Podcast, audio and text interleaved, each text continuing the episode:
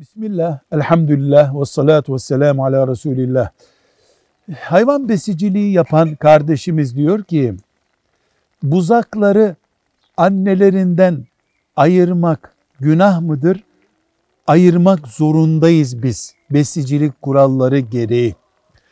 Diyoruz ki buzağı bırakıldığında annesinin sütünü emiyor ve besicilik açısından iyi bir iş yapmayı engelliyorsa, hayvanın da biz anasından ayrıldığında ihtiyacı olan gıdayı makul bir şekilde veterinerin tarif ettiği şekilde uyguluyorsak, sırf buzak annesiyle beraber kalmak, onu bedava emmek istiyor diye ayırmamızdan bir günah olmaz.